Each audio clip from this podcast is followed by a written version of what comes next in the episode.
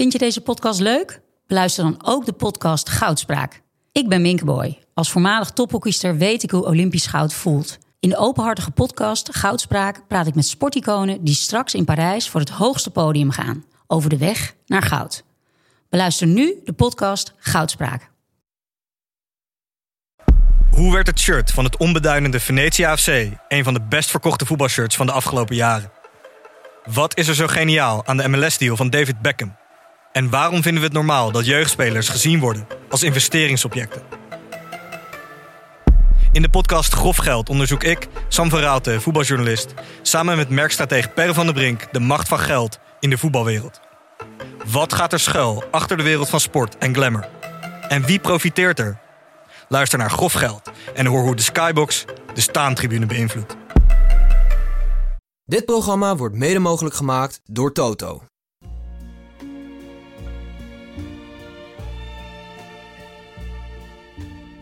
Ik durf, ik durf bijna niks te zeggen als ik weet dat Schreuder zo, zo hard gaat schreeuwen. And uh, there used to be a ballpark where the field was warm and green. And uh, the people played their crazy game with a joy I'd never seen. Dit is eh, uitzending, aflevering 70 van de Hartgras podcast. Pelle heeft taart gekocht. Die kunnen we helaas niet eten, want kijk wel even dan gaan taart. de luisteraars klagen over malende kaken en dergelijke. Wat is het, Pelle, voor tijd? Citroentaart. Dus we moeten wachten tot het eh, voorbij is allemaal. Nou ja, wat is het gesprek van de dag? Nou, wie, wie roept het... eh, Wie roept het verlossende kukchu hebben, er, hebben, hebben we er zin in om erover te discussiëren eigenlijk? Ik denk trouwens dat, dat Suus, dat jij vorige week al een heel goed eh, verhaal hebt gehouden over het deel waar het om gaat. Ik bedoel, het gaat natuurlijk niet alleen over de LHBTI-gemeenschap. Dat, Q. Plus, Q+. LHBTIQ+, gemeenschap. Ik denk dat die One Love-campagne gaat natuurlijk nog veel verder dan dat. En op dit moment ligt er wel heel erg de focus op... eh, om even homo-emancipatie te noemen. Maar het is natuurlijk ook gewoon verdraagzaamheid, gelijkheid, acceptatie, tolerantie voor iedereen. Geen discriminatie in het Ja, maar waar ging het gisteren over? Eh, Had het te maken met Coming Out Day? Dat is dan morgen of, of weet ik veel. Nee, het is gewoon een, een jaarlijks eh, terugkerend Terugkerend. Di- ding wat de Nederlandse voetbalwereld besloten heeft om zich sterk voor te maken. Maar niet de hele Nederlandse voetbalwereld, zoals Nee. we gisteren eh, weer uitgebreid hebben gezien. Nee, het is bepaald geen feestje. Maar dan heb je dus Kukcu, je hebt El Jacoubi... en volgens mij heeft Tadic hem ook afgedaan halverwege de wedstrijd. Nee, die had die, eh, Nee, die drie had- kruisen Ja, eroverheen. maar volgens mij in de tweede helft had hij alleen nog maar de drie kruisen en niet... eh, En hij heeft geloof ik ook kenbaar gemaakt dat hij hem in Qatar niet gaat dragen. Ja, maar wat je voor je land doet, moet je misschien wel weer zelf weten. Maar Kukcu is gewoon in dienst van Feyenoord. Feyenoord heeft besloten om zich hier sterk voor te maken. Heeft besloten hem als aanvoerder, als uithangbord aan te wijzen. En hij wenst geen uithangbord te zijn voor de normen en waarden van Feyenoord. Maar hij is een uithangbord. Ja, Hij is de beste speler van Feyenoord, zou je eh, eh, kunnen zeggen. Henk? Over normen en waarden van Feyenoord kun je van mening verschillen, volgens mij. Misschien moet je een weekje wachten hè, tot Wessel er weer is. als Nou in, ja. eh, om, omdat ze zich eh, alleen maar op dit moment eigenlijk inzetten voor eh, dit doel. En dat ze de roze kameraden hun Hebben eigen supportersvereniging zich- ja. laten stikken. Nee, zeker. Maar als je dan wat doet, hè, dan moet je misschien ook tegen je aanvoerder zeggen, dit moet je gewoon doen. Nou ja, het is een interessante discussie natuurlijk. De roze kameraden, hè, de, de homoseksuele Feyenoord supporters, die zich hebben gebundeld. Die hebben het zwaar te, te duren gehad. Bedreigd. Bedreigd, geïntimideerd, et cetera. eh, door een kleine, jonge, harde kern. Ja, dat wordt altijd gezegd bij Feyenoord. Dat valt er sterk aan te twijfelen. Nou ja, laten we dat even in het midden laten. Maar is het nou zo dat doordat eh Kukcu die band niet om heeft, moeten we dat dan beschouwen eh, als we bij Feyenoord aan het discussiëren slaan als een rechtvaardiging van die intimidatie van die jeugdige harde kern ten opzichte van de roze kameraden? Nee, Is ik- het niet een heel slecht signaal? Wat, Dat- wat ja, dat vind ik wel. ook. Ik denk dat je dan laat zien als aanvoerder, je mag hier op tegen zijn, hoe extreem dat ook Hè, de, bedoel, de, dit soort intimidatie is natuurlijk een stuk extremer dan een band niet willen dragen. Maar je zegt wel, ik, ik maak me hier niet sterk voor. Ja, ik, heb daar, ik, heb, eh, ik vind het eh, een enorm dilemma. Omdat Kukçu zou een ongelofelijke voorbeeldfunctie kunnen hebben. Ja. En, Ook in de Turkse gemeenschap. Ja, bewust doet hij dat niet. Maar aan de andere kant, ik zag van de week op, op Twitter eh, een interview met Graham Norton. Die zei iets heel interessants. Hij kreeg een vraag over J.K. Rowling. En hij zei: Ik heb er moeite mee dat je mij die vraag stelt. Want ik voel me bezwaard om hier antwoord op te geven. Want ik ben eh, toevallig iemand die op de televisie is. Dus mijn antwoord is clickbait voor andere media. En eh, ik vind, vraag mij niet naar mijn mening hierover, maar ga praten met mensen die iets van de materie afweten. Met experts, met chirurgen, met psychologen, et cetera. Het gaat hier om dat eh, J.K. Rowling transfoob zou zijn. Ja, nou ja, dat was eh, inderdaad het uitgangspunt. En hij, hij zei, ik heb er moeite mee om hier iets over te zeggen. En dat was heel overtuigend wat hij zei. En eh, ik vraag me af of je, als je dit een politiek, politieke kwestie mag noemen, tenminste, die, eh, zeg maar, eh, die One Love actie, of het Kukçu niet is toegestaan om daar geen vaandeldrager van te willen zijn. Als individu. Ja, je kijkt mij aan. Nee, heb- terwijl aan de andere kant ik ervan overtuigd ben dat als hij het wel zou doen, dat een gunstige invloed op die hele materie zou hebben. Ja, maar de, je, je moet eh, misschien, eh, ik ben even advocaat van de duivel. Hij eh, staat wel onder groepsdruk. Het is wel zo dat in zijn omgeving. hij speelt voor Turks elftal. nou ja, maar in zijn omgeving is het, is het gewoon zo. Ik, ik heb laatst wat gesprekken gevoerd met moslimvoetballers. Ja, het is toch echt zo dat zij, als ik het moet samenvatten, zeggen van... We hebben niks tegen homo's, maar we hebben er ook niks mee. Ja, maar dat is een. Dat, zeg maar, dat, leeft, dat leeft eigenlijk. Ik, ik kijk eventjes eh, naar jou. Voel jij dat soort gesprekken wel eens? Maar dat is ook super herkenbaar. Alleen in het geval van Kuksu en wetende waar die One Love campagne voor staat, had hij dit ook gewoon veel makkelijker voor zichzelf kunnen maken. En, en wel kunnen dragen vanuit het stuk van antidiscriminatie. En niet per se die focus te leggen op het LHBTIQ deel. Wat hij nu zelf heeft gedaan in zijn statement. Ik denk dat daar de plank ook heel erg in is misgeslagen. Kijk, Kubi, die droeg me, El Jacoubi droeg me ook niet. Maar die heeft het over, ik wil het breder trekken.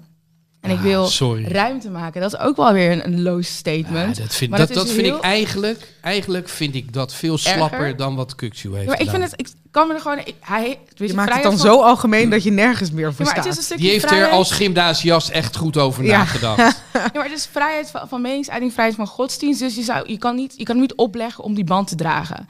Je kan ook niet zeggen, als jij gelooft, of, het nou, of je nou christen bent, of je nou moslim bent, of je nou jood bent. Als jij gelooft en vanuit jouw geloofsovertuiging kan je daar niet mee verenigen. Dan kan je niet zeggen, ja, maar je moet het opdoen om een, om, om een voorbeeld te zijn. Alleen in dit specifieke geval was het zoveel breder dan alleen een geloofsovertuiging. En daarom snap ik niet dat hij het niet heeft gedaan. Vind ik het vrij zwak van hem wat hij niet heeft gedaan. Maar begrijp ik ook dat Feyenoord niet kan zeggen... we gaan hem verplichten om het te doen. En hebben ze een goed tweede statement gemaakt... door dan die aanvoerdersband hem af te nemen en een trouwner te geven. Ja, maar ik denk dat je als club dus wel moet nadenken over een speler die je aanvoerder maakt, maar die eigenlijk zelf uitkiest welke normen en waarden van de club hij wel en niet voor staat. Eens. Je En dat vind ik best kwalijk. Kunnen we met z'n vieren concluderen dat hij eigenlijk gewoon geen aanvoerder moet zijn van Feyenoord?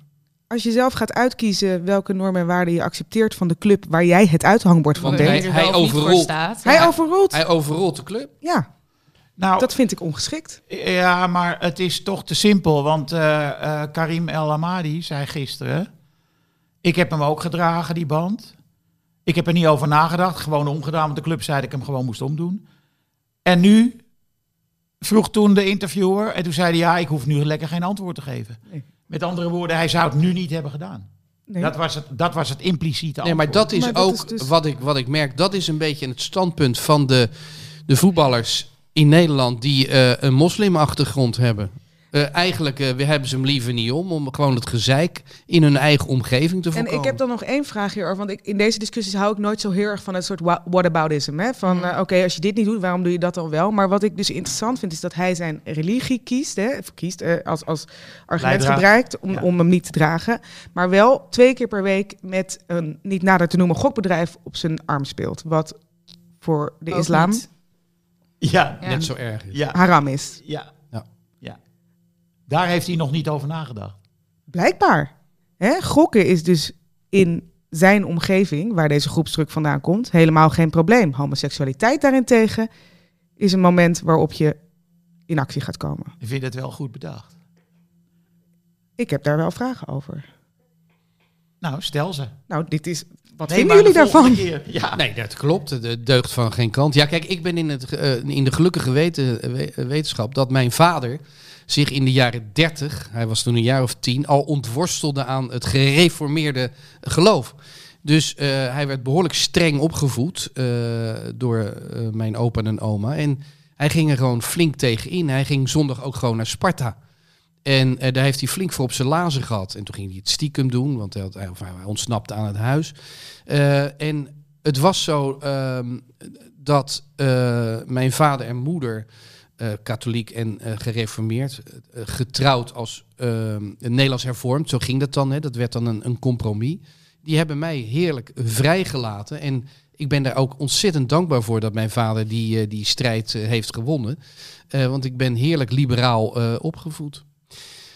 Ja, waarom zeg ik dit? Nou, eh, Nou, je wil gewoon even iets over je vader vertellen. nou ja, trots. ja, nee, maar dat is. Ja, nou, ben, ben, ben ik wel trots op Ja. geweest dat hij zich eraan ontworstelde. Ja, maar Ja. het punt is denk ik ook, alvast even lostrekken van de islam en lostrekken van eh, homoseksualiteit. Het punt is gewoon, er, er moeten verdraagzaamheid prediken in het voetbal. Dat is gewoon een probleem. Vanuit welke afkomst, kleur van je huid, seksuele voorkeur het ook komt. Ja, wat even En- benadrukken, de reacties hierop online op alle artikelen zijn echt Ja. ongelooflijk weer. Ja. Echt walgelijk. En dat komt niet alleen vanuit een bepaalde achterban van hè, een deel van een moslimsamenleving. Precies, dus dat is het ook echt niet gooien op Er is een heel geloof. deel van, van de Feyenoord supporters die zich gesterkt voelt. Inderdaad, dat gelul, dat moet maar eens stoppen. En die roze kameraden moeten ook. Nou ja, wat, wat, je, wat je hoort is flikker op met politiek, flikker op met het wookgedoe. eh dwing ons niet eh, wat te vinden. D- dat zijn een beetje de, de, Maar de een soort reacties. van reflex. Ja, die vind ik nog de keurigste.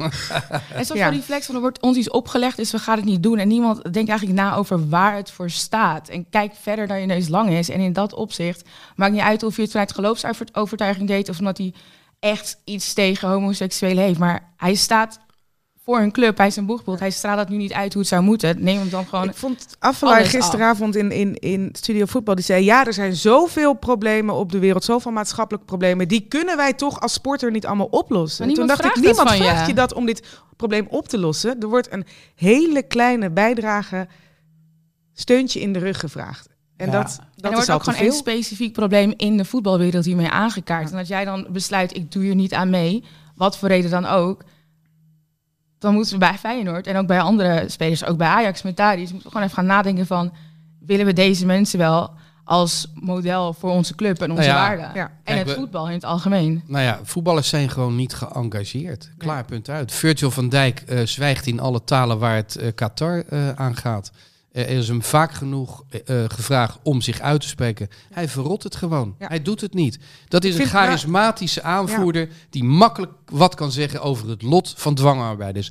Of dat er nou 65.000 zijn, 6500 of 65 of drie, zoals de FIFA beweert. Hij kan zich erover uitspreken. Hij is een voorname man. Hij heeft zich overigens wel uitgesproken eh, eh, tegen Johan Derksen. Dat heeft hij dan nog wel gedaan met het Nederlands elftal. Nou, dat eh Aquasi eh gebest werd door, door Derksen. Eh, dat heeft hij nog wel gedaan. Maar ik zit te wachten op onze aanvoerder Virgil van Dijk. Die is met een statement gaat komen. Ik vind dat echt een groot verschil met als je kijkt naar het Engelse elftal. Daar wordt echt met enige regelmaat uitges- zijn ze uitgesproken over maatschappelijke misstanden. Of het gaat over homoacceptatie, of het gaat over kinderen die Racisme. honger hebben, racisme. Maar hoe ontstaat dat daar? Is dat vanuit een Ja. eh, discussie van binnenuit? Is dat opgelegd vanuit de FE of de. Spelersvakbond? Of Nee, Nee, iemand, als, iemand als Rashford, Ja. die doet dat gewoon vanuit zichzelf. Ja, ja, die gaat zelf naar de voedselbank en die gaat vervolgens eh, zoveel druk op Boris Johnson toen de tijd uit, eh, uitoefenen dat hij zorgt voor gratis schoolmaaltijden voor kinderen. Ja. Henderson, eh, de tweede aanvoerder van Liverpool, die, daar, die hoort van iemand die eh, zich eh, akelig bejegend wordt tijdens wedstrijden omdat hij ehm, make-up op heeft en zich voelt als een vrouw. En hij twittert een foto van diegene en zegt: iedereen is welkom hier. Iedereen is wel. Wij zijn het Engelse elftal. Wij zijn voor iedereen. Mhm. En ik denk dat dat soort statements dat dat heel erg helpt. Nou ja, het zoekgebluis. En we komen niet verder dan Oekie Hoekema. Die niet naar Argentinië ging. Die wilde niet naar Argentinië. Ja, Eenmalig international. En die zei, ik ga niet naar Argentinië. Waarschijnlijk was hij ook niet geselecteerd. Maar toch, hij En zei het toch maar. hij stond wel op de rand van het Nederlands elftal. Ja, zeker. Maar en hij hij... heeft zich ook echt campagne gevoerd daartegen, toch? Met ehm Ja. comedian, ik was zijn naam kwijt. Freek de jongen. Juist. Zeker. Dit vindt Freek niet leuk. Nee, dat jij zijn naam kwijt. La la la. Freek was trouwens in mijn galerie eh, vrijdag. Ik heb het gezien op de foto. Ja, ja, Ja. ja, vond ik leuk. Ehm, ja, waar zijn we jongens in deze discussie? Want eh, eh, wij zijn het wel akelig met elkaar eens, Ja. maar dat, eh, daar krijg je geen fijne discussie van. Henk doet nog erg zijn best om eh, een iets ander standpunt Nou, ik eh, heb wel eh, problemen met dat eh kijk, eh, ik, ik had er gisteren met iemand over die zei... eh, de voetbalwereld is homofoob. Dat kan je rustig in zijn algemeenheid stellen. Alleen Kukçu heeft daar meer last van, want hij is ook nog eens een moslim. Dus eh, dat is zeg maar de andere kant van het verhaal. En hij speelt voor het nationale team van Turkije. Hij wordt waarschijnlijk ook vanuit Turkije bedreigd, als hij het zou hebben gedaan. Dus ja, nou ja, ik heb dus... Jij begrijpt dat mensen zwichten voor groepsdruk. Ja, dat is Nee, en namelijk... ik denk dat je gelijk hebt, hè, dat we niet eh, nu moeten alleen maar kijken naar eh Kukçu. Hè. Het Ja. gaat natuurlijk over een hele eh, een wereld die niet per se eh, omarmend is. Hè, als we kijken naar de KNVB of naar scheidsrechters, we hebben geloof ik een protocol dat je de wedstrijd stillegt op het moment dat er anti-homo eh, spreekkoren zijn. Ja, die wordt... Hoe vaak is dat gebeurd? Dat ik kan het me niet herinneren. Hè? Ik nee. zit dit weekend gisteren in het stadion bij PSV Utrecht. Dan wordt er gewoon doodleuk gezongen dat alle boeren homo's zijn. Ja. Als we dat allemaal een vrij normale Ja, nou Klimaat er, vinden. Er is een scheidsrechter in de, in de Eredivisie waarvan iedereen weet dat die, is- die is homoseksueel. En die komt niet uit de kast, want die zegt, dan heb ik geen leven Natuurlijk meer. niet. Je bent al mikpunt als scheidsrechter Ja. en dan ga je ook nog eens... eh, Ja, er wordt het je dubbel kijkt op. wel uit. Ja. Nee, maar goed. Dus er is een klimaat waarin het niet wenselijk is. En dan is hij nu op dit moment degene die daar... Ik ben trouwens wel heel meest nieuwsgierig. Stel dat Ali Jaanbaks eh, aanvoerder was geweest. Hè, die heeft zich natuurlijk ferm uitgesproken over de situatie Iran, in zijn zeker. land. Heel moedig. Ja. Kan hem wel zijn plaatsje kosten in de WK-selectie. Eh, maar stel dat hij aanvoerder was geweest. Maar hij is had- niet de enige in zijn eh, nationale Nee, team. hebben hè? er meer Nee, gedaan. dat Ja. zijn er meerdere inderdaad. Nee, ja, interessant. Maar we hebben ook zo langzamerhand, kijk, de zuilenmaatschappij bestaat niet meer. Eh, ik ben opgegroeid in een verzuilde maatschappij. Wij gingen onze kleren kopen bij de firma Hollekamp, want die waren katholiek. Eh, ja, serieus, dat is gewoon zo. Ehm, Nou, kortom, jij hebt er één generatie over gedaan om wat ruimdenkerder te zijn. nee, het punt, het, het punt is, ik zag gisteren, eh, hoe heet die, Affelay. En ik dacht, de zuilenmaatschappij bestaat weer. Want hij ging onvoorwaardelijk achter Kukçu staan. Maar dat is omdat hij een mede-moslim wil beschermen. Maar het ongemak spat er ook vanaf. Ja. Je zag aan alles dat je het er gewoon niet over wilde hebben. En laten we snel over iets Ja, anders hij wilde praten. snel naar het veld. Hè? Er is Ja. heel veel op het veld. Hele mooie voetbalwereld geweest. Wat is er op het veld gebeurd? Zo, respect, respect, respect. Dat is ook een soort toverwoord. Weet je, Ja. alles is zo'n containerbegrip van hij Ja. heeft er toch respect voor. Maar Ja. En Van Hooijdonk, die vroeger eh, voetballers belachelijk maakte... omdat ze met een onderbroek aan ging douchen. ja, die vind ik ook opmerkelijk woke aan het worden hoor. Dat is ook een soort zorgelijke situatie. Ja. Oké, nou, ehm, weet je wat? We gaan Moeten we het eens over het spelletje Ja. hebben? heel anders. Wie was de koning van de week? Suze, wie was de koning van de week? Nou, ik heb ehm geniet, zitten genieten van PSV. eh, wederom. Dus eh, ik zou willen zeggen Xavi. Want die vond ik gewoon weer eh, heerlijk voetballen. Twee doelpunten, Openingsgoal. 19 jaar, ehm, openingsgoal, belangrijke doelpunten. Of Guus Stil, die twee, Hm. de 2-1 en de 3-1 eh, maakt. eh, op een positie waar hij zegt dat hij zich niet prettig voelt. Namelijk in de punt van de aanval. Twee echte spitsengoals maakt. Ehm, maar ik vind dat Feyenoord de beste prestatie van eh, de week Ja. heeft geleverd tegen AZ. Ja. Dus dan Met, met een best wel goede kukju. er niet nader te noemen. Dan ga ik dus eh, voor Simanski, de andere man Oh, op ja. het middenveld. jouw die, kandidaat is Szymanski. ja. Dat was, maar- was het te lang? Sorry. Nee, helemaal niet. Maar stel nou, stel nou, Suze, dat kukju in jouw ogen toch beter was. Had je hem dan koning Nou, hij gemaakt? was beter. Nee, want ik, wij- hè, het totaal mens zou ik hierbij Ja, ja. graag eventjes willen Totaal introduceren. voetbal totaal totaal mens. voetbal, totaal mens. Dus dan ga ik voor Simanski. Henk? Danielle. Ehm, ja, ik ga voor Virgil van Dijk. Virgil van Dijk. Why? Die eh, heeft eh, gewonnen van Manchester City Ja. gisteravond. 1-0. En vooral gewonnen van. Vooral gewonnen van Haaland. Die mooie kopbal die hem het scoren ontneemt eh, in het einde van de wedstrijd. Maar Virgil van Dijk is ook al 68 wedstrijden op Anfield thuis ongeslagen. Hij heeft eigenlijk nog nooit een wedstrijd verloren op Anfield. In de Premier League. In de Premier League, inderdaad. En dat is toch wel echt een, een heel mooi record. Dus ik ben wel benieuwd eh, hoe, hoe lang dat nog gaat duren in deze Premier League. Tot ze tegen Arsenal moeten. Dat is wel een prestatie. tegen Arsenal moeten. prestatie van formaat, zeg. hé. Ja, het is echt, ik dacht van, klopt dit wel? Is dit een statistiek die klopt? Het is echt nog nooit verloren, maar het klopt. En hij is natuurlijk ook wel een tijd lang geblesseerd geweest, dus daardoor voelt het ook wel langer. Maar Toen toen, hebben ze wel verloren. hebben ze wel verloren, inderdaad. Ja. En jij? De Koesman van Sparta eh, maakte na een jaar of 12, 13 weer een doelpunt in de Eredivisie. Speelde Tanane finaal uit de wedstrijd. En eh, ja, het bewijs dat je op 34-jarige leeftijd nog hartstikke goed kan zijn. Ik heb even... eh, Of Ik ken de- nog een andere speler die dat bewijst op zijn 34ste. Noem eens iemand. Ik mocht zijn naam niet noemen. Nee, als het woord Benzema valt, gaat hier een toeter af. Toevallig even een zijpad. Ik zag zijn zoon voetballen vorige week.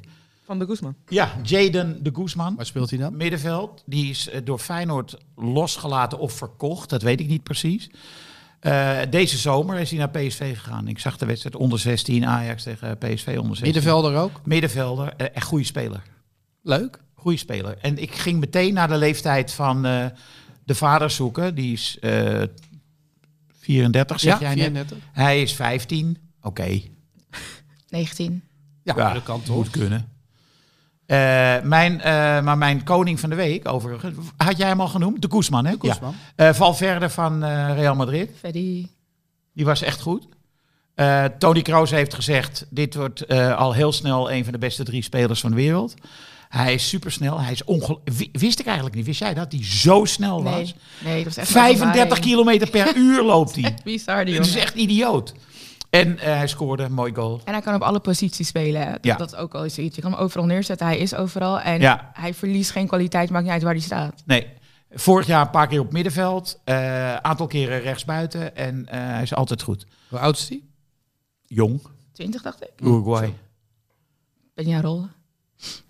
En overigens speelde Kroos eh, tegen Frenkie, hè? Ja, en dat deed hij met verven. Ja. Ik heb eh zijdelings maar kunnen kijken, want als ik eh radioprogramma presenteer, dan maak je niet een hele gedegen studie van een Nee, eh, kwart over vier Maar begon die hoe, al. hoe was Frenkie? Nou ja, hij moest op Kroos. En eh, je zag wel dat hij zijn best deed. Maar mandekking is... Gelukkig. niet- Nee, ja, maar... Ik vind ik altijd zo grappig. de Zo. Nee, maar Oh, hij is mandekking... naar zijn werk gegaan, hij heeft zijn best gedaan. Weet je. Ja, maar Bravo. je kon zien, mandekking is niks voor hem. Ik bedoel, hij moest dus steeds die Kroos volgen. En je Ja. zag aan... Oh god, ik moet weer achter die Kroos aan, weet je wel. Ja. Dat, zo liep Nou, hij wat er is dat voor rare opdracht eigenlijk Ja. van Xavi? Ja, weet ik veel. Eh Frenkie is natuurlijk geen mandekker. Nee. Frenkie de Jong moeten we zeggen, anders dan... eh, Mag je geen Frenkie zeggen? nee, worden mensen boos. Oh. Eh, Dat willen we niet. Nee, dat willen we zeker Ook als je uit Rotterdam komt? Want ik ben ook wel bereid om Frenkie te zeggen. Ja, ja, pas op hè. Ja. Jij moet er over straat. ik liep in de Utrechtse straat. Ah, In Amsterdam, ja. ja. in Amsterdam in de Utrechtse straat. Komt Amsterdam er, Centrum. komt, er, komt er mevrouw de slager uit, slagerij Fred de Leeuw. Is toch geen Sam en Moos? Ze heeft, nee, ze heeft twee van die witte dingen in de oren. Airpods. Airpods. Oké, dank je. Ze zegt, ik zit net naar Hartgras te luisteren. Nou, dat, Dat heb ik nog nooit gehoord in mijn leven. Ja, dat vind ik wel mooi. enfin. Maar nu moeten we even de koning van, van dit weekend bepalen. Nou, wie vallen er als eerste twee af? Eh Valverde valt af. Oh, Ja, ik hoor Van Dijk al. Ik denk, ja, er, er no chance. Eh Szymanski. Blijf je er heel erg bij, bij Szymanski? Hmm. Het is wel echt een leuke speler om naar te kijken hoor. Szymanski kan Hij is voetballen. een mooie voetballer. Nou, Kan ja, voetballen. wat ik daar goed aan vind is dat het, hè, hij, hij speelt er nog niet lang. Tien, we zijn tien wedstrijden onderweg. En Feyenoord zag eruit als een heel ingespeeld elftal. Terwijl het hele elftal is helemaal vernieuwd. En dat Ja. vind ik toch wel Ja. indrukwekkend. En hij wisselt ook Ja, best wel wel op, Ja. op plekken. Ja. Dus Nou, je kan geen- in ieder geval, is het al volkomen duidelijk, Szymanski is geen, geen miskoop. Nee, Nee. mishuur, wat is het? Dus jij laat nu de Guzman vallen, ja, begrijp hoor, ik? dat doe ik met, met liefde. Dus Ja, het gaat nu tussen Szymanski en eh, Van Dijk. Virgil van Dijk. Vecht het even lekker zelf Maar. Van, Ja. Dijk, Van Dijk komt niet met een statement. Nee. Simanski, Simanski? eh, Szymanski, Ook, ook niet echt, hè? Szymanski deze is een staat natuurlijk weer pal achter Kuksu. Ja, Maar laten we, we hebben inderdaad net even een kritiekpuntje op Van Dijk gehad. Dat we wachten tot hij iets zegt. Tot hij iets zegt, laten we hem even vallen als koning. Want ik vind Simanski, dat vind ik wel wat. Ja, is ook leuk. Nieuwe naam. Oké. Nou. Szymanski is, Is er eens een andere Pool die wordt genoemd dan... Le, eh, Lewandowski. precies. Die is natuurlijk de eh, koning van dit weekend. Oké. Eh, nou, eh, ja, we gaan het niet meer over Kukshoe hebben. Die speelt wel eh, de beste week van zijn eh, actieve carrière. Nou, we moeten het over Schreuder hebben, jongens. Ja. Oh ja, Oh, oh, God. god, helemaal vergeten. Die Ja. rant. De ja. mental breakdown. Oh. Wat, wat hebben we gisteravond eh, gezien? Voor de luisteraars die het is ontgaan. Wat hebben we gezien? Ja, we hebben uh, Ik Schreuder weet het gezien. nog steeds niet, hè, wat ik heb gezien. Een Een soort hele- hele exploderende normale trainer. persconferentie. Er Ja. werd hem geen... Hij, hij was gewoon aan het vertellen. tot die 7-1. ene vraag. Nee, hij En- kreeg een redelijk normale vraag Ja, over ja. Robbie. En toen ineens uh, snapte hij. Dacht hij, ik heb, dat. ik heb maar nog je wat zag ook het moment in zijn ogen dat hij gewoon dacht, oké, ik, ik ben klaar. Ik ga nu gewoon vol rent. En het ging maar door en het ging maar door. En mij bellen en dan moeten ze me ontslaan. En dit zijn leugens, maar mijn zaakwaarnemer is er wel bij betrokken. En jullie weten, dat ik, ik dacht, wat gebeurt er? Alfred ja. gaat het. ja, ze schreven Alfred, dat... gaat het? Ja, dat is echt een goede vraag. Nee, en ze zei, en het leukste was... Ze schreven dat mijn zaakwaarnemer betrokken is bij transfers. En dat Jullie klopt. moeten je aan de feiten houden. Dat klopt. Maar op wie was hij nou boos? Johan Inan. De media. Nee, Ja, nee, Daar zijn Ajax-trainers boos. Johan Inan. die? Johan Inan. Van Die het heeft- AD. Je hebt een AD geschreven dat Robbie zat te verrotten op de bank. En dat was volgens mij gewoon de Oh. trigger om los te gaan. Ja, maar hij begon ook tegen Valentijn Driessen later. Ik bepaal Ja, waarschijnlijk heeft hij iets gelekt niet de naar de media. thee, wat niet helemaal goed eh, op papier is overgekomen. Nee, maar ik dacht meteen van, dat lekker van Schreuder is niet voorbij. Ja, dat, de, Ja, ja, dat- die, die dat denk ik wel. ja. relatie met de Telegraaf is heel anders aan het worden, ja. Ja, dat was een flink lek, hè? Dat er ooit eens is geweest. Ja. Maar ik, vind het dan, ik ben- ik ben van mening van, ik vond het best wel lachwekkend. Ik vond het dicht... Oké, het was geen mental breakdown, maar die, die woorden zijn wel een paar keer gevallen terwijl we heen en weer aan het appen waren. Nee, maar je kon wel zien dat hem onrecht is aangedaan. Ja, Zo alleen ik, voelde dit hij was dat niet echt. de manier om het te uiten. Hij Nee, maakt zichzelf heel erg zo. klein en hij was wederom heel erg naar de buitenwacht aan het wijzen en niet zeg maar in het perspectief naar zichzelf te kijken. Nou, hij en zei- gaat het op deze Maar manier. het is toch schitterend, hè? Want je, je twee debakels tegen Napoli, vreselijke wedstrijd tegen Volendam. Dan win je met halen 7-1 met van Excelsior. Nou, En dan ga je leeglopen. Precies. En dan denk je, weet je wat? Ik pak nu ga ik ik eens even iedereen de waarheid zeggen. En dan ben je dus tien wedstrijden lang aan het zeggen dat je niet druk maakt en kalm en het doet Oh, dat niks is en allemaal de media niet. En dan Ja, dat is met terugwerkende kracht ook allemaal pose geweest, hè? Want hij hangt heel erg te, ik lees dit en ik lees dat. nou, de, de, rust, de rustige trainer uit. Ja. Mijn, dit was het even het tegenovergestelde. Ja. Wat ik wel opvallend vond, is dat hij toegaf in een bijzin dat ze het over 5-3-2 hebben gehad. Ja. Nou, dat, dat is echt voor, voor Ajax natuurlijk wel eh, redelijk opvallend. Dat vind Dat- ik raar hoor, want ik vind tegenwoordig staat Ajax niet boven de Nee, internationale natuurlijk niet, voetbal. maar natuurlijk kan in- Ajax 5-3-2 eh, spelen. Nee, maar in bepaalde Ajax eh Kringen. Puritan, eh, Puriteinse Puritein, kringen ja, ja. is dat vloeken in de kerk. Maar hij zei het wel, we hebben het erover gehad om eventueel voor 5-3-2 te kiezen. En ik dacht, jezus, dat is interessant. Ja, hij disqualificeerde wel eh, Hamstra, hè? Zo, Door, door Ja. te zeggen... We hebben Mark Overmars weg. En nu zitten we met mensen die geen We ervaring eigenlijk met hebben. gebakken peren. Ja, en dus moest mijn zaakwaarnemer het oplossen. Toch? Ja. Dat was eigenlijk een beetje de crux. Dat was Ja. de strekking van het En de zaakwaarnemer die deed het ook allemaal voor Ajax. Dat vond ik ook Ja, nog een opvallende uitspraak. Ik dacht, oh, dus die Ja. heeft het allemaal Nee, onbezoldigd bestaan, voor de club gedaan. Ze Nee. bestaan, de zaakwaarnemers die het echt voor de club doen. Nee, nee, maar het, het- hij bedoelde gewoon... Nee, maar dat vond ik ook mooi. Nee, maar hij bedoelde denk ik in opdracht van Ajax. Want waarschijnlijk heeft Ajax hem de opdracht gegeven om, bepaalde, om te assisteren bij bepaalde aankopen. Ja, maar dat zei hij niet. Nee, ja, nou, hij zei hij doet het voor Ajax. Zoals Kees Jij- Vos het heeft gedaan bij Manchester United en Rob Ja. Jansen bij Jij Feyenoord. interpreteerde dit als hij doet het voor niks. Nou, dat Nou ja, geloof- ja, nee, dat Ja, ik denk ook niet, dat hij gelijk na, na zijn rant zou kunnen navertellen wat hij heeft gezegd. Want hij zat zo hoog in emotie. Het was Ja. echt een spraakwaterval. Hij had geen controle meer over wat er uitkwam. Denk je dat hij er nu, twaalf uur later, spijt van heeft? Dat weet je nooit. Dat weet je nou. in, in de voetbalwereld is spijt ergens van hebben niet, niet gangbaar. En denken jullie dat ze even op kantoor hè, met Hamstra het even terug gaan kijken? Oeh. Ja, Het ligt aan de pikorde. Hoe hoog staat Hamstra? Ja. Gaat hij op zijn strepen staan? Misschien zegt Huntelaar wel hallo. Ik word hier ook nog indirect Ja. gepiepeld. ja Of de zeker. RVC, want uiteindelijk hebben we die ook behoorlijk wat in. Maar ik vraag me ook af hoe de kleedkamer dit gewoon oppakt. Als ik daar zit en ik zie mijn trainer zo losgaan. Dat, dat is ook wel een stukje dat ik bij mezelf ga, na, na- ga nagaan van... Oké, alles oké. Hoe Ja, maar serieus misschien- kan ik jou hier nog maar in misschien nemen? is hij wel eens boos geweest intern in de groep. Hè? Ja, dat heeft hij toch ook gezegd? Wie denkt dat ik een softie ben, moet zien in de kleedkamer. Ja, zo. Hij ging even zo. Ik ben, ik ben echt Hij helemaal geen softie. op de Ja, borst. ja. ik ben snoeihard. Ja, precies. Ja. Maar dan merk je ook op, op... Nou, ik heb voornamelijk op Twitter dan gekeken. Dat mensen zeggen, ja, ah, Brani, Pit, geweldig. En ik denk, hebben wij hetzelfde gezien? Jij noemt het een mental breakdown. ja. ik doe het precies. Nou- de vraag is als mensen gaan schreeuwen of ze dan a priori ongelijk hebben. Niet altijd. Niet dat... dat. Hitler wel, bijvoorbeeld. Zijstraat, vind ik. Maar goed, laten we kijken. Het WK komt eraan. Ik denk dat dat op een niet gunstiger moment kan komen voor Schreuder. Om zelf weer die kant te krijgen in alle rust. Kijken, wat gaan we doen? Waar Ook zijn voor we Hamstra bezig? trouwens. Ja, iedereen moet zichzelf Ajax. even hernemen, geloof ik daar. Ajax moet zich herdefiniëren eh, tijdens het WK. En eh, eh, ja, waar gaan ze scouten? Met het bord op schoot tijdens de WK? Gaan ze daar wat plukken? nou, ik las eh, een verontrustend bericht dat eh, Hamstra gaat met iemand van de scouting, Lloyd Doesburg, gaat hij naar Zuid-Amerika om een talent dat- te dat kan bekijken. niet, want die is- Lloyd Doesburg heeft Veerman afgetest. Die is dood. En niet Lloyd Doesburg. Ja, hij, nee, hij heet niet Lloyd Doesburg. Hij heet Doesburg. Michel. Michael. Michel Doesburg, ja. Want Lloyd is omgekomen bij de SLM-brand. Oh ja. Ja, was echt een plot twist. Lijkt die is dood. Ja, ik denk, hé, wat? Maar, Ik ben blij eh, dat Hugo scherp is.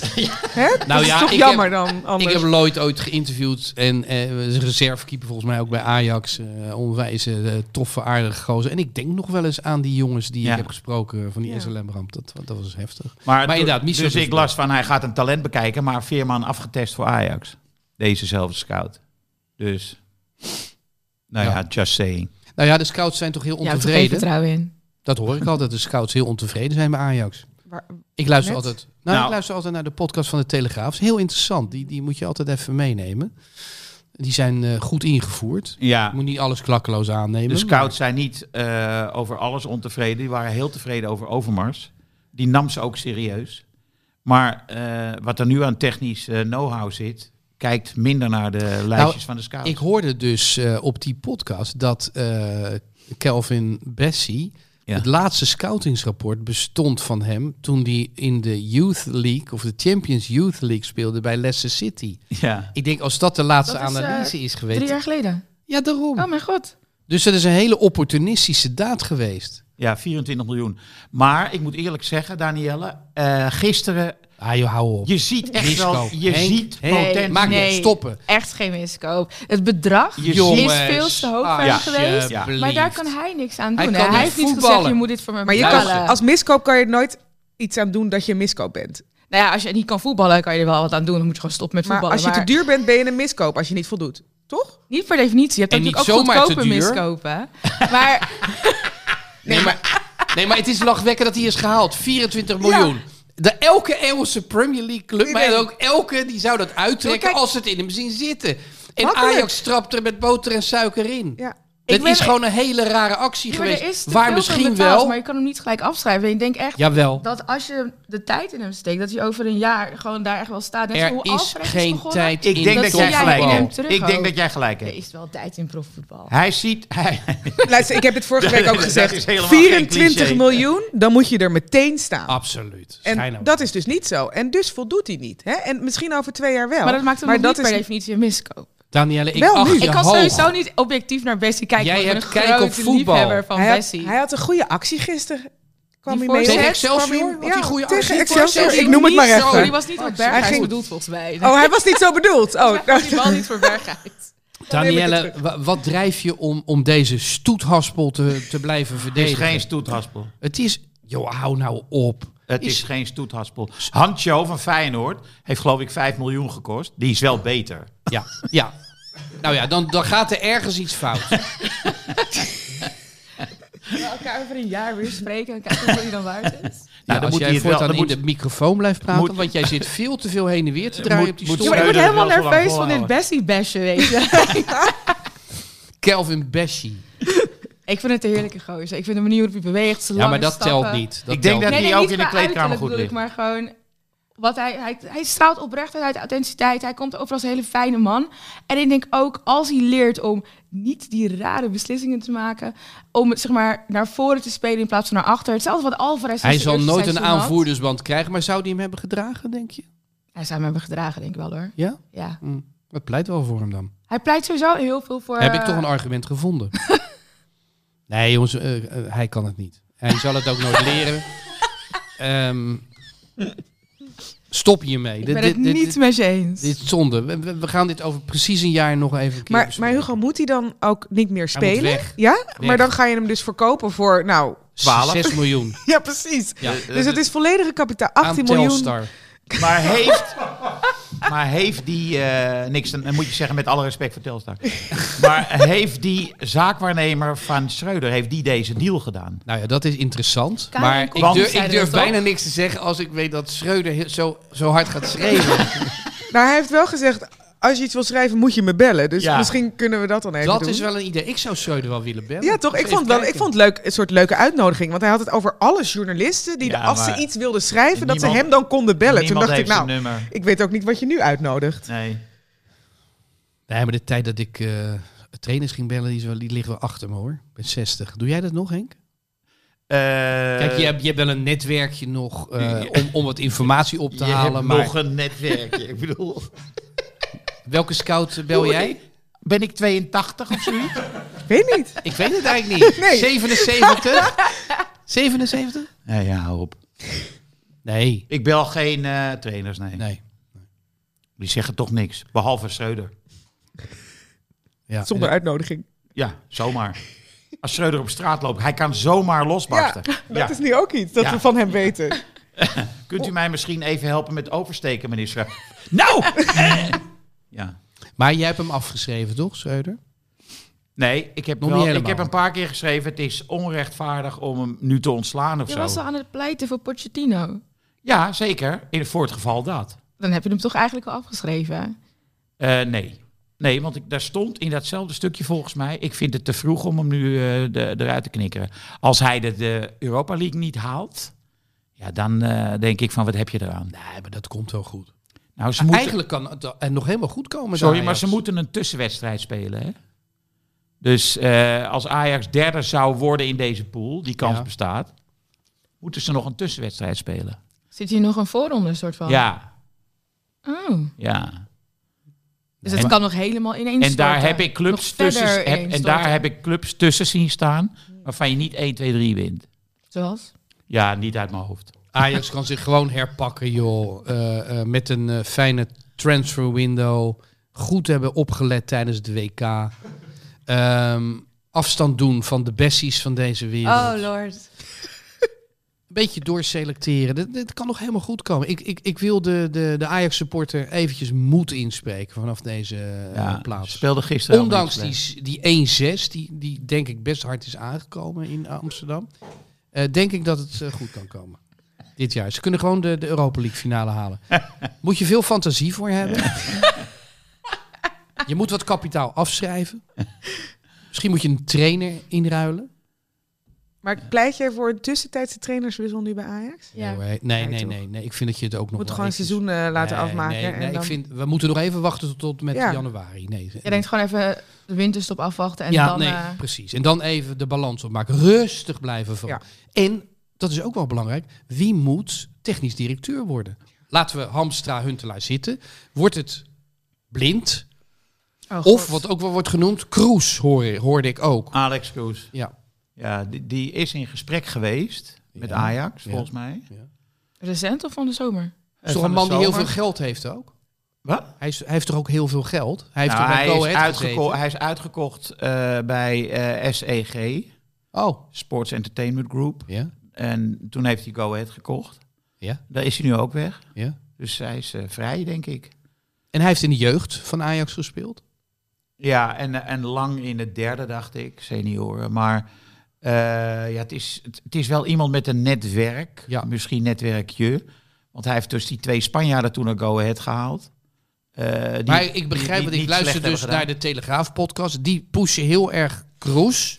Ja, maar die zijn En die zijn natuurlijk tegen tegen blind. blind. Ja, uiteraard. Ze hebben altijd een agenda. Ja.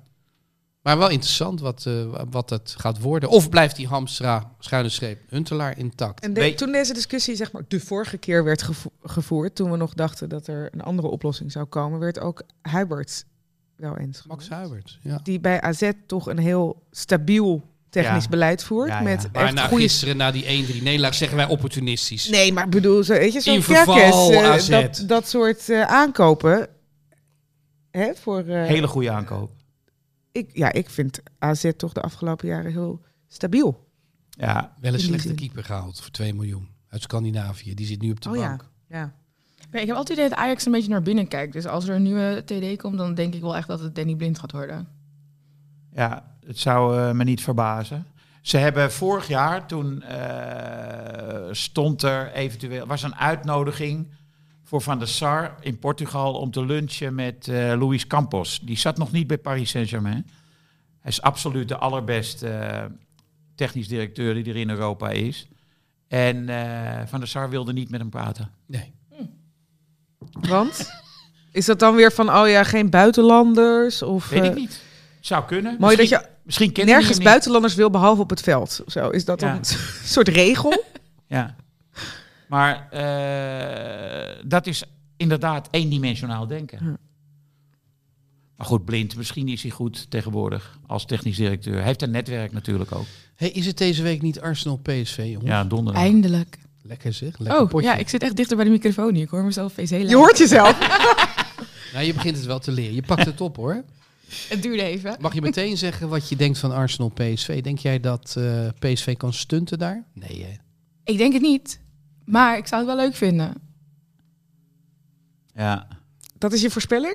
Oh, mijn Want- voorspelling- ja, inderdaad. Waarom, waarom zou je het trouwens leuk vinden? Heb je geen zwak voor Arsenal dan? Ik heb zeer zeker een zwak voor Arsenal. Maar ik vind het ook gewoon leuk als er een Nederlandse ploeg in het buitenland gewoon even iets laat zien. Ik kan me er altijd wel... Het is niet dat ik sta te juichen voor PSV of zo. Maar ik vind het altijd wel leuk van, oh ja. Zie je? Maar wie is, wie is de Benzema van Arsenal? Gabriel Jesus? Ja, maar, maar- Ja, ja. Arsenal is op dit moment, waar, waar, waarom ze het nu in mijn ogen zo goed doen, het is nu voor het eerst een soort van echt team aan het worden. Je hebt Gabriel, Gabriel en Gabriel. Wat is dat? Martinelli, Jesus en Magalhães. Hoe je dat op zijn Portugees uitspreekt. En ze strijden voor elkaar. Ze hebben een nieuwe club anthem erbij. En het, het spat soort van plezier af als ze spelen. Dat zag je dan dit weekend tegen Leeds niet. Want toen waren ze wel, ik wil niet zeggen echt slecht, maar ze waren niet op hun normale niveau. Wat was het? 0-0? 0-1. Oh, 0-1. Oh. En ook met heel veel geluk weggekomen in de laatste minuten dankzij de VAR. Ja. Met de gemiste penalty van Patrick Bamford. En daarna was er een rode kaart voor Gabriel Magalhaes. En een penalty weer voor Bamford. En die werden eigenlijk teruggedraaid. En het werd geel. En het was eigenlijk hilarisch. Want ik had Bamford en Magalhaes allebei rood gegeven. Die waren een soort van kleine schermutseling in de 16 aan het uitvechten. Het was echt lachwekkend. Een soort van clownshow. Maar ik zie Arsenal... Ik, ik heb vorige week gezegd in het openbaar. De mensen kwamen gelijk In het van, openbaar? Ja, ja, mensen vonden gelijk, ik heb nu gejinxed. Maar ik zei het enige wat tussen Arsenal en de titel in staat... is een wel of niet blessure van Haaland. En Liverpool heeft nu al het soort van een beetje geholpen... om dat gat van vier punten te slaan. Dus laat Arsenal lekker die Premier League winnen. Ze gaan sowieso al door in Europa. Of ze nou winnen of verliezen van, eh, van PSV. Dus dan ga ik een... eh dit is een heel lang verhaal om te zeggen dat ik 2-2 voorspel. Ja, misschien dat- maar misschien dat Arsenal ook helemaal niet de eerste squad eh, Nee, opstelt. dat denk ik ook dat hoeven niet. ze ook niet. Nee, Ik denk ehm 2-1. voor Arsenal. Ja. Henk. Ja, dat is wel realistischer hè, dan 2-2. Maar Ik denk eh 3-1 voor Arsenal. Maar ik hoop inderdaad, net als Danielle, op PSV. 3-0 Arsenal. geen hoop voor PSV. Helemaal Nee, de verdediging van, van Arsenal, wij hadden het er vooraf even over, uh, Suze. Van en- PSV bedoel je? eh, van PSV Ja. is ja, niveautje. hè. Jij zei eh, middenmoot eredivisie. Ik zei nou misschien subtop eredivisie. Maar, Toen, ver- toen kregen we discussie wat het verschil was Ja. tussen sub, subtop en middenmoot. maar verder komen we toch niet. nee. Obispo. Tja, Ja, en daar, en daar komt bij dat eh, bij Arsenal de, de kracht zit eh, in het aanvallende middenveld en in de voorhoede. Dus eh, ja, ga er maar aan staan. maar goed, maar misschien willen ze met, met allerlei tweede elftalspelers of met de bankzitters komen. Zou me niet verbazen, want het is druk in de Premier League. Ja, nou dat zal zeker niet het eerste elftal zijn.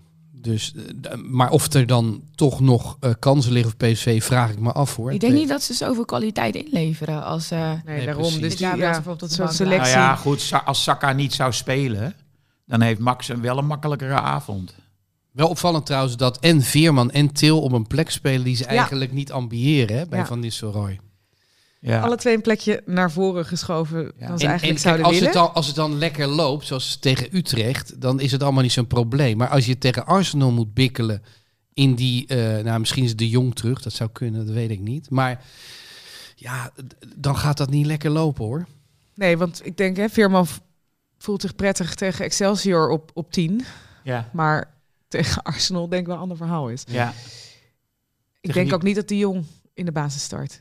Daar, die is best lang weg geweest en langer dan ze hoopten. Want het is elke keer, hij komt eraan, hè, volgende week misschien. En, en dan nou ja, nu niet. Ja.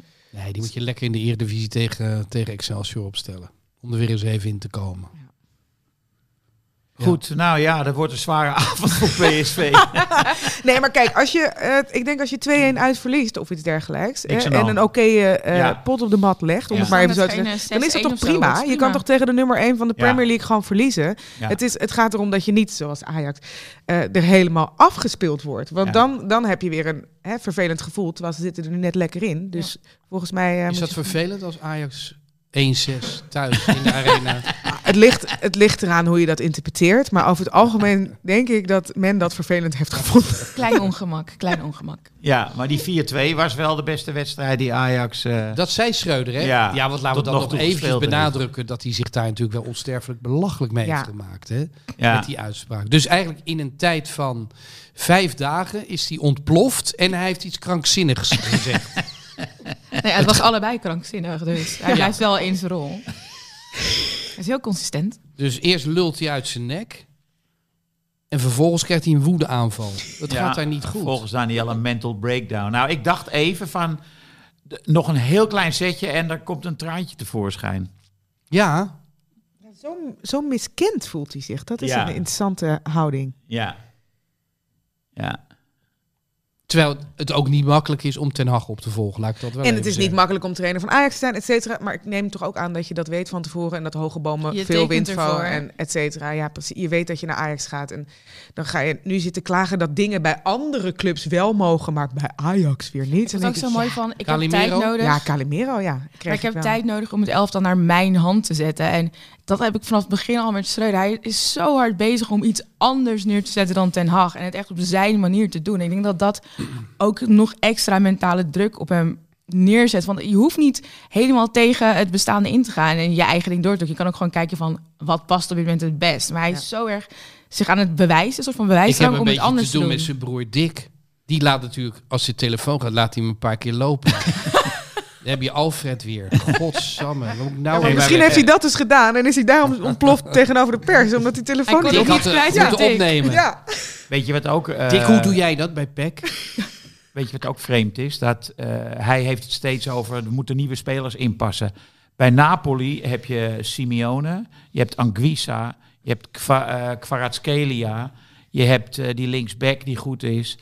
Vijf, minstens vijf spelers, zijn allemaal basisspelers geworden bij Napoli. En die zijn redelijk ingepast. Tenminste, als de wedstrijd tegen Ajax een graadmeter zou mogen zijn. Ja. En alsof het krachtsverschil daarvoor niet te Nee, dus groot het, is. op andere plekken kan het wel. Maar Ja. goed, ja, dat Ja, zegt natuurlijk niet alles. Nee. Maar ik heb nog, eh, Hugo, misschien kan jij me daarmee helpen. Want Mm. eh, als we het over trainers hebben die misschien wel of niet functioneren, dan vind ik Hen- Henk Vrezer op dit Och. moment ook wel een interessante casus. Want ik heb naar dat dus naar PSV Utrecht zitten kijken. Verbijsterend, Dit, ik wist echt niet wat ik zag. Hè? Want het gaat dan over dat hij altijd wel hè, zijn team verdedigend de organisatie op orde heeft. Heeft natuurlijk een, al heel lang is hij trainer. Hè? Het is Ja. een ervaringsvak. Hij is met Vitesse is hij, eh nou niet kampioen, maar de beker gewonnen. Heeft hij Sparta echt eh, heel moedig. Heeft hij Sparta opgepakt in de eerste divisie. Ja. Heeft hij gezegd, ik heb ja gezegd, oké, eh, ze gaan eruit, ik pak ze op. Hij heeft ze laten promoveren. Toen heeft hij twee hele goede jaar gehad. Werd hij achtste. Dat laatste jaar had hij een, een, een, een waardeloze selectie. En is hij eruit gevlogen, goed beschouwd, eh, vijf of zes wedstrijden voor het einde. Met eh, ja, ja, lelijk voetbal, verdedigend voetbal, eh, allemaal gelijke spelletjes.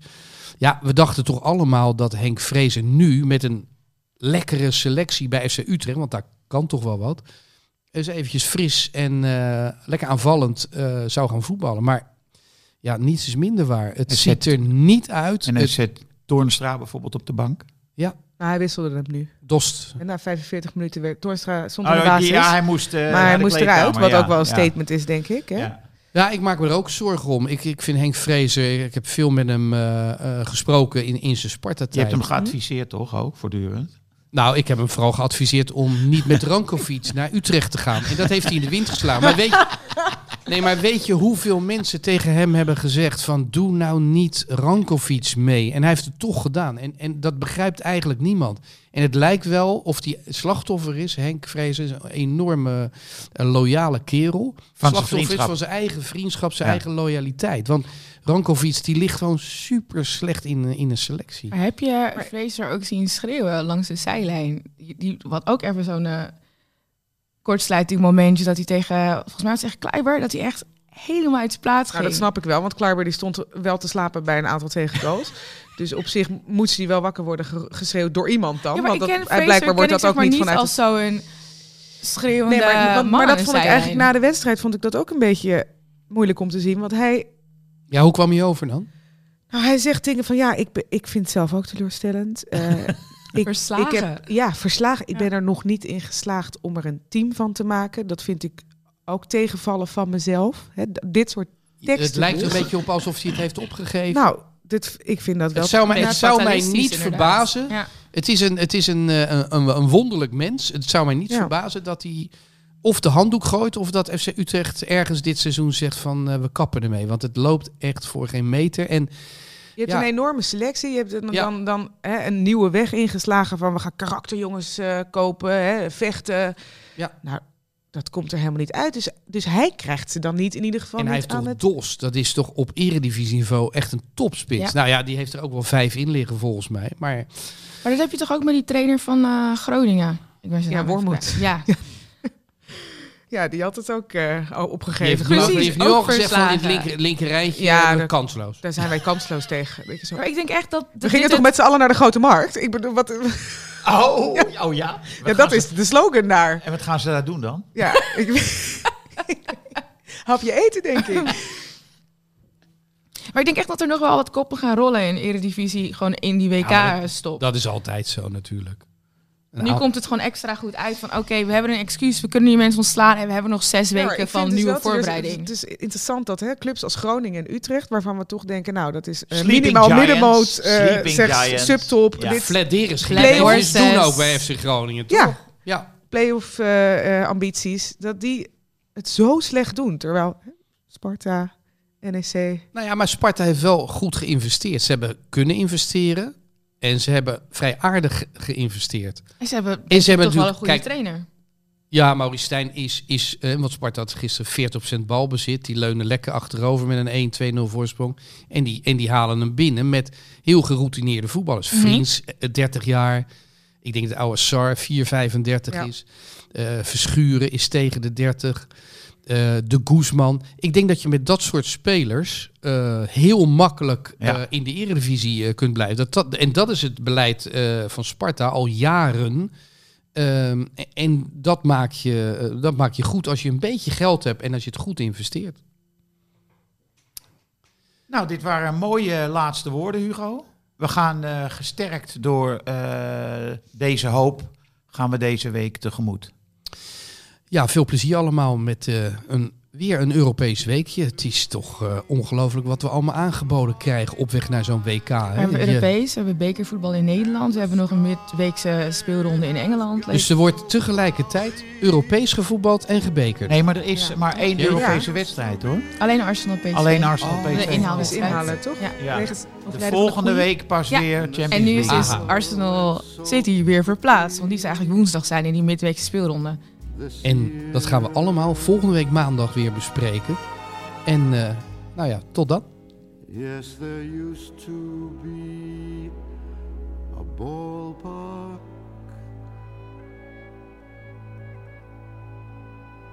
right here. Hartgras is een podcast die geboren is uit het blad Hartgras. Van papier, ja. Gek hè? Neem daarop een abonnement. 17,50 voor een proef die vanzelf weer ophoudt na twee nummers. Weet je dat je ook jezelf een cadeau kunt geven?